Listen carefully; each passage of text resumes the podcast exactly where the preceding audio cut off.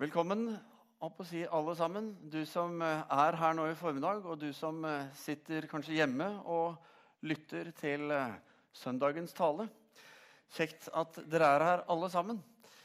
I dag så starter vi på en ny serie som vi skal ha nå i advent. og En serie som heter 'Som et barn'.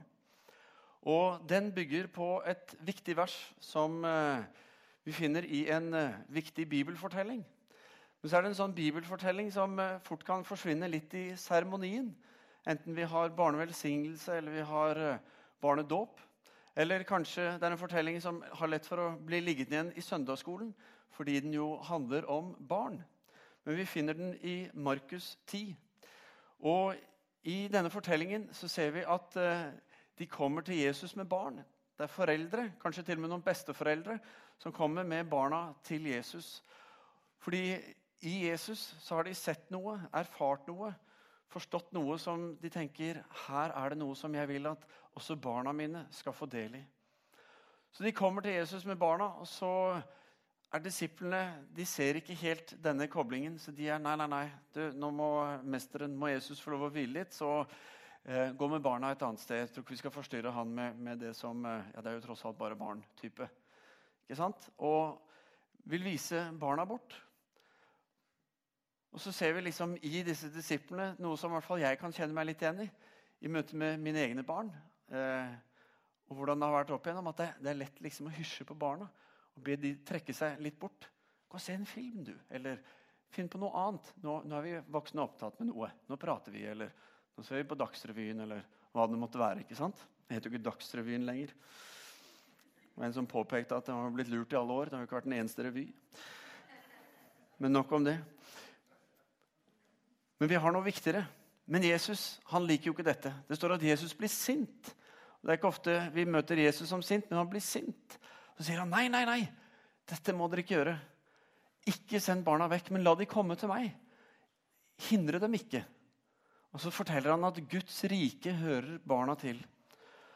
Og så sier han dette verset, som er utgangspunktet for denne serien. Et vers som jeg tror vi skal eh, tenke og grunne på og dvele ved. For det sier noe veldig viktig. Han sier, 'Sannelig, sannelig, sier jeg dere:" Den som ikke tar imot Guds rike slik som et lite barn, skal ikke komme inn i det. Jesus han har det med å snu helt rundt på ting. Eh, han har det med å ta de tingene som vi ikke tenker på, som vi ikke forstår, og så setter han det inn i en helt annen sammenheng. For Det Jesus sier egentlig her, er at vi, han sier at vi er nødt til å ta imot Guds rike sånn som barna gjør det. Så han antyder at vi må ha en langt mer barnlig tro, en langt mer barnlig tillit til det Gud ønsker å gi, til det Gud er. Og da tanker, sier han ikke bare om tanken på Gud, det å tro at det finnes en Gud der ute, men han snakker om hele Guds rike. Alt hva Gud er og representerer, alt det Gud ønsker å gi inn i våre, vår hverdag. Men vi som voksne, som vi jo da er, vi har så lett for å veie alt som kommer til oss, også det som kommer fra Gud. Vi veier det på våre menneskelige vektskåler, hvordan vi forstår ting. Og fordi vi gjør det, så går vi også glipp av mye av det Gud ønsker å gi inn i livet vårt. Og Derfor kan vi ofte oppleve at barna ofte har en sterkere tro. At der hvor vi liksom Nei, jeg vet ikke helt. Men kan vi ikke bare be, da? Kan vi ikke bare? Er det ikke så enkelt? kan barna lett si. Men så, fordi de har ikke utviklet dette voksne rasjonaliseringsevnen som bare liksom Ja, men du vet ikke også sånn, og så har vi med å ta ting litt fra hverandre. Og det gjør også at barnetroen, Hvis ikke barnetroen får næring, hvis ikke den får vokse, hvis ikke livet får lov til å eh, erfare og leve sammen med Gud, så vil barnetroen ofte dø bort i møte med det voksne livet. Så I denne serien skal vi også se på Gud. Og vi skal eh, se på det, hans rike fra fire forskjellige perspektiver. Formulert sånn som kanskje barna ville formulert det. Og Målet er å bygge disse enkle sannhetene inn i livet vårt. Og så fortelle oss selv og lære oss selv at vi må ta vekk alle innvendingene. Alt dette som vi har som voksne lett til å legge til. Fordi det enkleste er ofte det beste. Så i dag så skal vi snakke om at min Gud, han heier på meg. Og så snakker vi om Guds godhet. Neste søndag kommer Thomas til å snakke om at min Gud han er alltid hos meg. Om Guds nærvær. Tredje søndag advent så er jeg tilbake og skal tale om at min Gud han tilgir meg. Vi skal snakke om Guds nåde. Og fjerde søndag i advent så skal Thomas snakke om at min Gud han kan gjøre hva som helst. Så snakker vi om Guds allmakt. Som et barn så kommer Gud til oss. Som et barn er det Gud velger å komme til denne verden, til deg og meg. Og i det barnet så er alt hva Gud er. Og Det kan være vanskelig for oss å forstå. Men på samme måte så sier altså Jesus til oss som et barn så trenger vi også å komme til Han. Så Vi skal snakke om Guds godhet og fra perspektivet at min Gud heier på meg. Mange av oss vi kjenner et barn. Og kanskje er du selv det barnet som eh, har eh, hatt en trygg og god oppvekst. Med foreldre som er kristne, blitt tatt med i søndagsskolen, bedt aftenbønn, sunget alle de gode sangene og hatt rammer som har gjort at eh, barna har fått en enkel, trygg og god tro på Jesus. Og denne troen har fulgt med i mange år inntil det begynner å skje ting som ikke er helt forventa. Ting som ikke forstår, ting som ikke ønsker. Jeg vet ikke hvordan det har sett ut i ditt liv, men jeg vet om en kar som når han var et barn, trodde han på Guds godhet. Og Så skjønte han etter hvert som han ble stor nok til å forstå og, og gjøre, tenke noen tanker rundt det, så skjønte han at mamma og pappa de hadde det ikke så godt. De var ikke så gode med hverandre. Så han begynte å be om at Gud skulle hjelpe dem med å være gode med hverandre. Men når skilsmissen en dag var et faktum, og hele hans tilværelse gikk til grunne, ja, så satt han igjen med spørsmålet Hvorfor hørte du ikke bønnen min, Gud? Bryr du deg ikke om meg og mamma og pappa? Eller barnet, som kanskje har verdens beste farfar eller farmor eller bestemor eller bestefar eller hva det måtte hete, men har et nært forhold til han, til farfar. Og så skjer det noe med farfar som gjør at farfar kommer på sykehuset. Og så ber barnet igjen og igjen om at farfar skal bli frisk. For han har hørt at det kan Gud gjøre. Men farfar kommer aldri hjem fra sykehuset. Og spørsmålet er hvor er du, Gud? Hvorfor hører du ikke? Bryr du deg ikke om farfar? Og etter hvert som livet går, så vokser listen over vanskelige ting. Denne 'dette burde du ha gjort noe med'-listen, som jeg tror mange av oss har i en eller annen form. Hvor vi kan spørre 'Gud, er du god? Heier du virkelig på meg? Hvorfor skjer dette?' Og Dessverre så er det mange som også konkluderer med at nei, Gud er kanskje ikke helt god. Han heier kanskje ikke på meg. Jeg ser han heier på deg, men ikke så mye på meg. Kanskje det bare var en historie. Kanskje det var bare et eventyr, noe for barn. For eh, Siste søndag i oktober så hadde vi tema 'Er Gud virkelig god?' Vi gikk i dybden på dette med det ondes problem og lidelsens mysterium. og disse tingene. Så bare henvise til den hvis du har lyst til å gå litt sånn ekstra i dybden på akkurat dette. Men sannsynligheten for at du kjenner deg igjen helt eller delvis i noen av disse beskrivelsene, den er til stede. For dette er ting som vi vokste, kjemper med. Kanskje vokste opp, alltid tenkt at du var kristen. Kanskje var du til og med aktiv som ungdom. Men så har ting skjedd som gjør at du nå sier jeg er ikke helt sikker på om jeg tror. Eller jeg tenker at jeg tror, men jeg klarer ikke å tro sånn som de andre gjør. En tenåringsgutt som heter Kyle. Han er fra Amerika, ja. Han har vokst opp i en menighet der borte, som er i si, Misjonsforbunds sammenheng der borte. Han skrev et dikt som han sendte på e-post til eh, pastoren sin.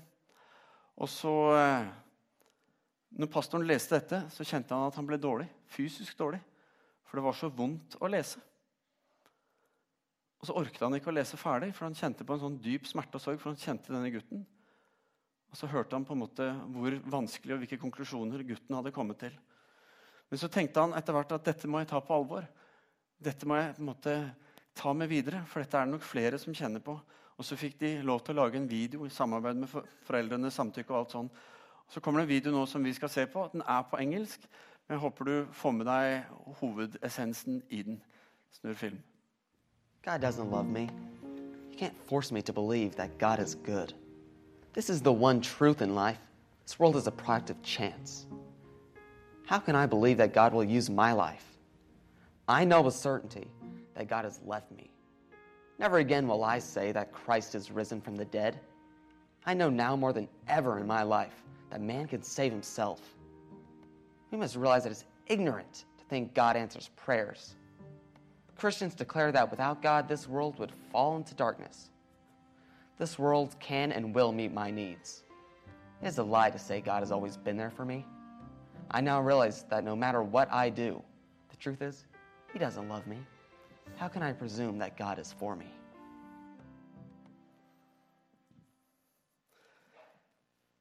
Kanskje Kyle har gått lengre i sine konklusjoner enn det du har. Men realiteten er at det er mange mennesker som lever med spørsmålene, som kjemper med dette hvorvidt det er sant, eller bare delvis sant, at Gud er god, at han elsker oss.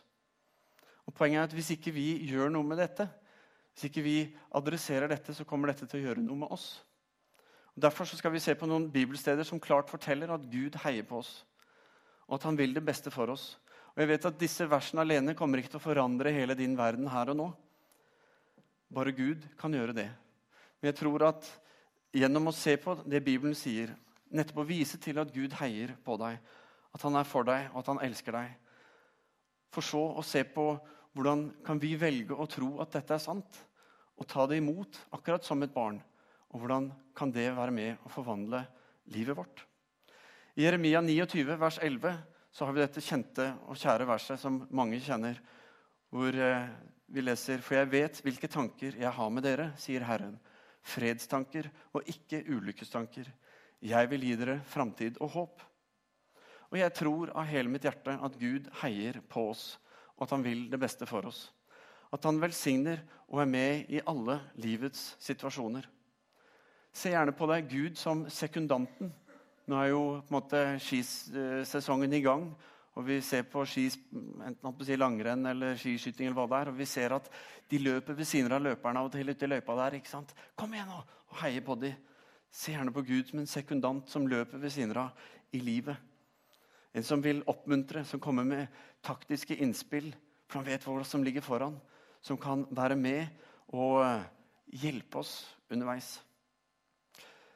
Jeg tenker på tøffe ting i livet, så tenker jeg på mammaen min, som har eh, levd med kreft og komplikasjonsplager i snart 20 år. Og Jeg er overbevist om at hele veien så har Gud heiet på henne. Og Det er mitt vitnesbyrd fra å se på henne. For jeg har sett at hun har overlevd mange vanskelige ting. Jeg har vært med på å planlegge begravelsen hennes to ganger. Og hun sitter her i formiddag. Og For meg så forteller det om at Gud er en som løper ved siden av, og som heier på oss. Og jeg vet at han vil fortsette å heie på henne. Og så vet jeg at sønnen min som fikk diabetes når han var ti år Jeg vet at jeg ber for han nesten hver dag. Ber om at Gud skal komme og helbrede ham, Så vet jeg at Gud løper ved hans side på tross av det og heier på ham og kommer med innspill og vil være der for ham. Og så vet jeg at når jeg har mine tunge dager hvor jeg bare har lyst til å gi blaffen i alt, droppe kall og menighet og alt som er, og egentlig føler jeg har fått nok, så vet jeg at allikevel så løper Gud ved min side. Så heier han på meg. Og så vil han det beste for meg. Og jeg vet at det er mange skiløpere der ute som hvis de ikke hadde den sekundanten ved siden av, så hadde de hatt et mye mye tøffere løp, og mange hadde brutt underveis. Jesus sier til oss i Johannes 16, vers 33, han sier, 'Dette har jeg sagt dere for at dere skal ha fred i meg.' Så sier han, 'I verden så har dere trengsler, men vær frimodige.' 'Jeg har seiret over verden.' Kom igjen nå! Hold ut litt til. Bare kommer opp denne bakken her nå, så blir ting bedre. Det kommer til å gå bra. Du kan klare det. Gud løper ved vår side. Eller som Paulus sier det i Romerne 8.: Er Gud for oss, hvem er da mot oss? Han som ikke sparte sin egen sønn, men ga han for oss alle, kan han gjøre noe annet enn å gi oss alt sammen med han? Gud elsker oss så høyt, og han heier så mye på oss at han sendte Jesus, sin egen sønn, både for å vise oss hvem han er, at han heier på oss, og for å heie like inn til døden for sitt eget liv. For så høyt har Gud elsket verden, at han ga sin sønn den enbårne, for at hver den som tror på han, ikke skal gå fortapt, men ha evig liv. Og Det er når dette går opp for oss, når vi ser at dette er noe vi kan tro på, at Gud er med oss og heier på oss fra start til slutt, fra vugge til grav og videre, da kan dette få lov til å tale til oss og begynne å forvandle hvordan vi ser på Gud, hvordan vi ser på livet. Så Vi skal se på nå tre mulige endringer som kanskje kan skje i livet ditt om du våger å tro at Gud er der for deg og heier på deg. Og Den første det er når jeg innser at Gud heier på meg, ja, da trekker jeg meg ikke vekk fra Gud, men jeg kommer løpende til Han. Dessverre så er det sånn at vi, når vi ikke klarer å stole helt på Gud, så har vi så lett for å eh, trekke oss tilbake. Gå og gjemme oss. Vi gjør sånn som Adam og Eva gjorde. Det var noe det første mennesket gjorde. Adam og Eva de løp og gjemte seg for Gud fordi de visste at de hadde gjort noe galt. De hadde trosset han. De hadde spist av den frukten de ikke fikk lov til. Og fordi du og jeg vi gjør gale ting, så trekker vi oss ofte bort heller enn å komme til Gud. Fordi ingen liker å bli tatt på fersken eller måtte stå til regnskap for noe vi har gjort som vi ikke er stolte over, som vi vet er galt. Men vi tenker ofte først og fremst sånn, for vi våger ikke helt å tro at vi kan komme til Gud med livene våre når vi har det sånn. Vi våger ikke å stole helt på Guds godhet eller at vi er gode nok for Gud.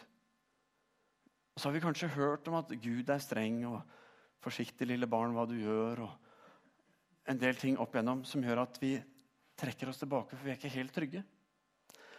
Nå er det sånn i vår tid at adopsjon er blitt ganske vanlig. Og For noen barn som adopteres, så har de en bakgrunn hvor de har lært at de kan ikke stole på voksne. At voksne er noe som er farlig, og så trekker de seg tilbake. Så er de stille, så er de innesluttet i møte med uansett hvem voksne er. Og Det disse barna trenger, det er mer enn noe annet. Det er å bli møtt med en betingelsesløs kjærlighet.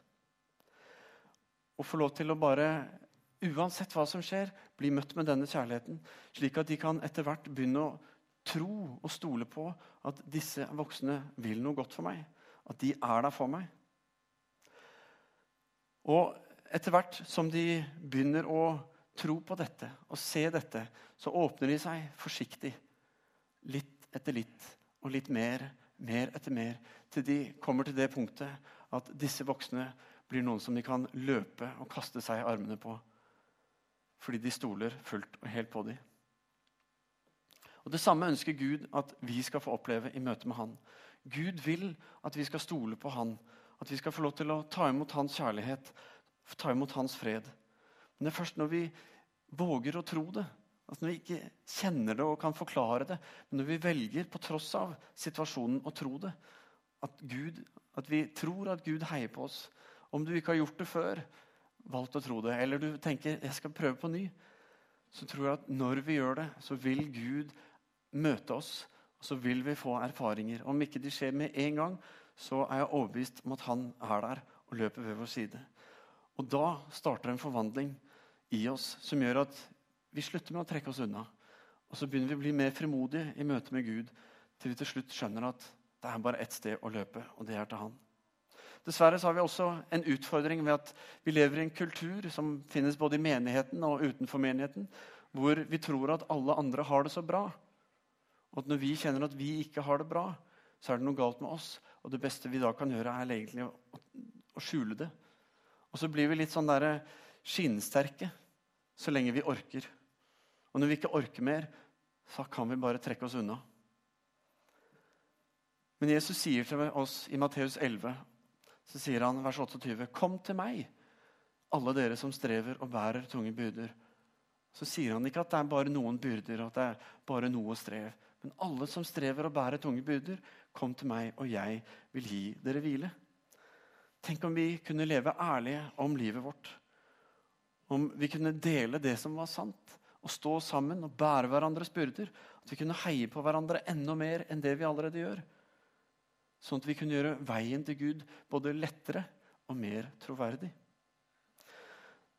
Det andre er når jeg innser at Gud heier på meg, er for meg, så lever jeg ikke for å få Guds anerkjennelse, men jeg lever på grunn av Guds anerkjennelse. Thomas snakket om mitt behov for anerkjennelse forrige søndag. Eh, og I Romerne 5,8 så sier Paulus at men Gud viser sin kjærlighet til oss ved at Kristus døde for oss mens vi ennå var syndere. Og det Paulus sier her at Lenge før du ble født, lenge før du kunne gjøre verken noe fra eller til det som skjer i livet ditt, de gale tingene, den synden som vi har, så valgte Gud å selv gå i døden Jesus Kristus for at vi skulle få vite fra dag én at Gud heier på oss. Så hvis du stadig går rundt og dømmer deg selv og prøver måte, å veie opp og gjøre godt igjen, så vit det at det er ikke ditt strev som gjør det godt, men det er det Jesus har gjort for deg da han døde. Og det å komme til Gud og legge alt, vårt strev, alt som er vanskelig, legge det hos han, det er et sted hvor Gud får lov til å tale inn, hvor Gud får lov til å forme ut ifra sin gode nåde og kunnskap og godhet. Han har allerede gjort opp for det gale. Så la hans godhet, sannheten om hva Gud er og hva han har gjort, la det være fundamentet i livet ditt. For han har allerede gitt det, og vi skal få lov til å ta det imot. For Gud heier på oss selv om han vet at vi kommer til å gjøre noe galt igjen. Og det er ikke bare én gal ting, men flere. Gud elsker oss, og han anerkjenner oss på tross av vår synd. På tross av våre feil og våre mangler. Men om ikke vi våger å stole på det, at det er sant, så går vi også glipp av det Gud ønsker å gi oss.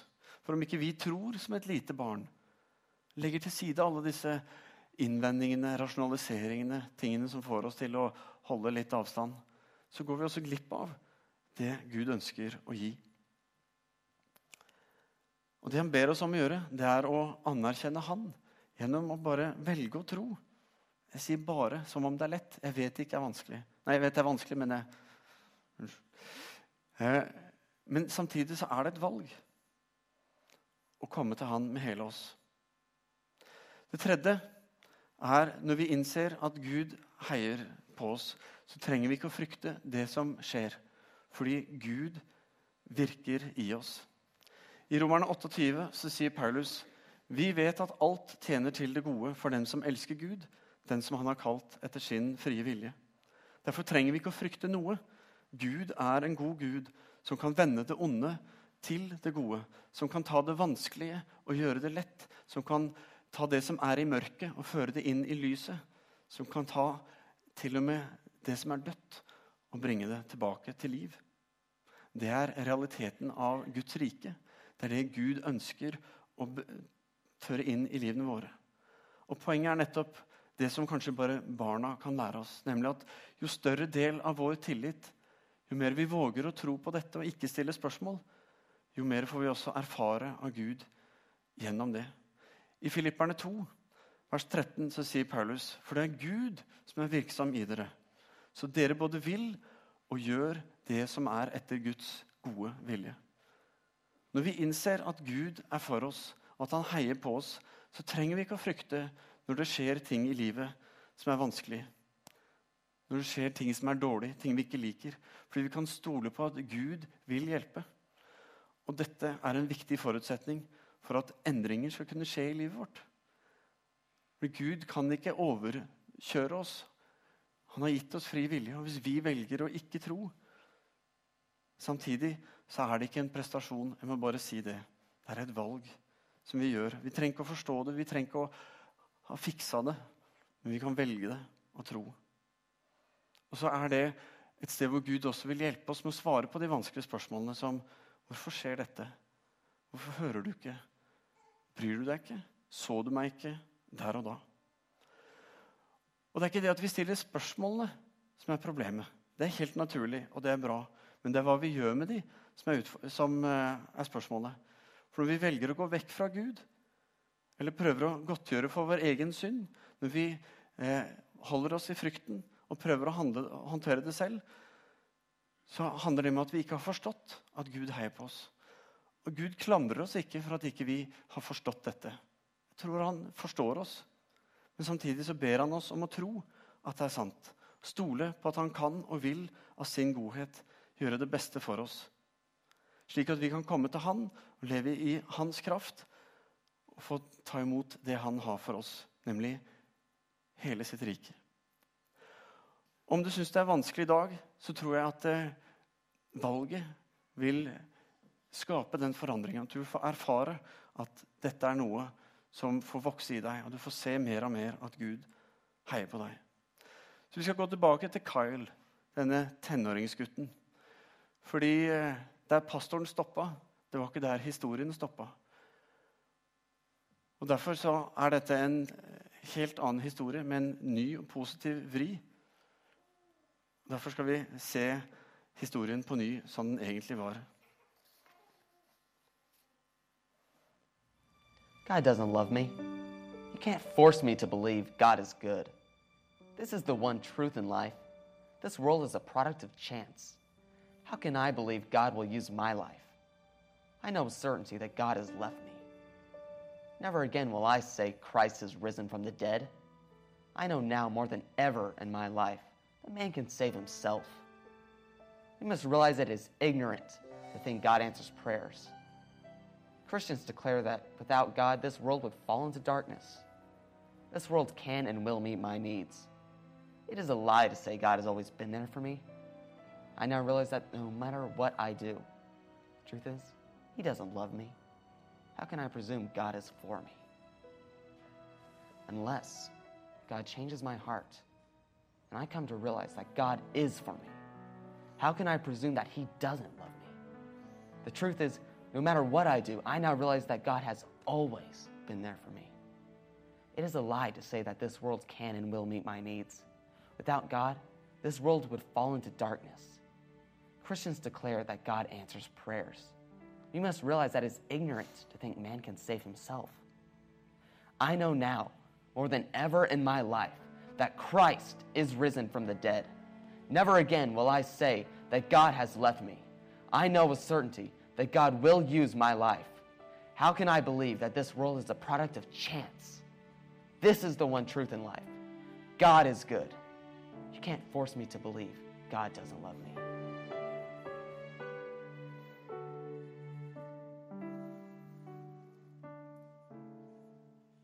Lov å si amen her også. Hvis Gud er for deg, hvem kan da være mot deg? Han som ikke engang sparte sin egen sønn. Hvor mye mer kan han gjøre for å overbevise deg om at han heier på deg?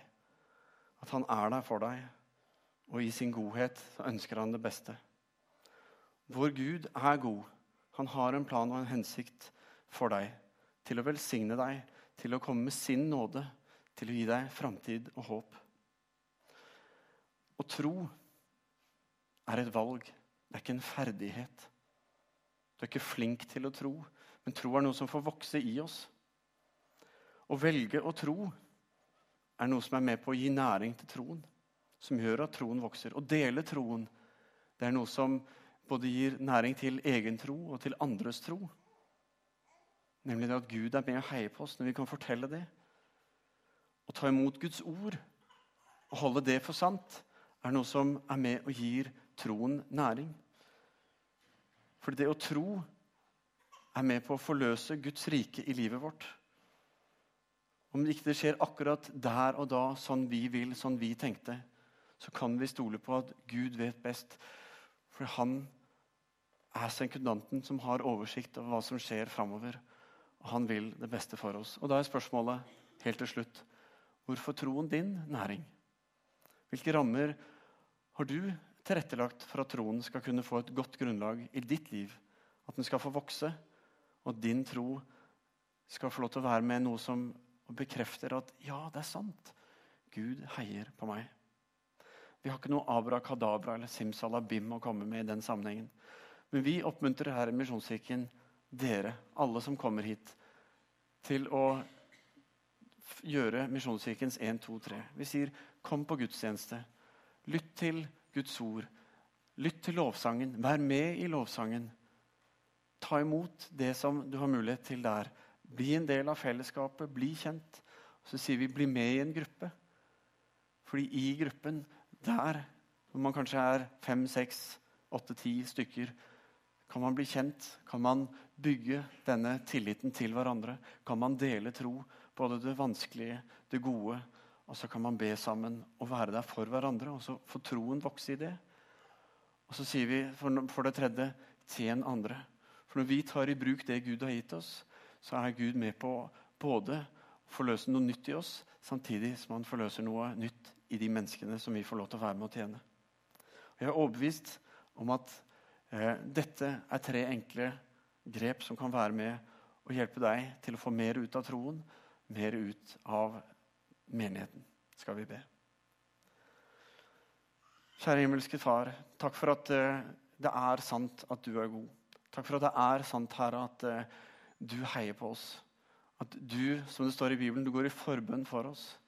Og at uh, du, Jesus, du er vår advokat som taler vår sak fordi du har gått i døden. Du har tatt på deg vår straff.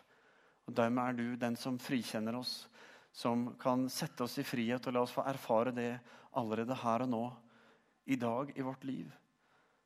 Takk, Herre, for at ditt rike det er et fantastisk rike. Et rike som er uten smerte, uten eh, noe ondskap, uten noe feil eller mangler eller noe. Og så ønsker du å gi oss mer av det inn i vår hverdag, inn i vårt liv. Og jeg ber, Herre, hjelp oss, Herre, til å arrestere innvendingene, alle rasjonaliseringene som vi har så lett for å komme med. Tilgi oss for de, Herre. Hjelp oss å identifisere de. Hjelp oss å si nei, det er sant. Gud heier på meg. Gud er med meg. Gud tror på meg. Han kan gjøre hva som helst. Han tilgir. Han er alltid hos meg. Herre, tal dette inn i våre liv. Bruk mennesker rundt oss. Bruk ditt ord. Hjelp oss, Herre, til å ta noen steg til å tilrettelegge og til å sørge for, Herre, at eh, vi tar de gode valgene. Og så klarer vi ikke alltid det, Herre. Så kommer du, og så løfter du oss opp igjen. Og så sier du, 'Kom igjen. Jeg er med deg. Jeg heier på deg.' Jeg takker deg, Herre, for denne sannheten. I Jesu navn. Amen.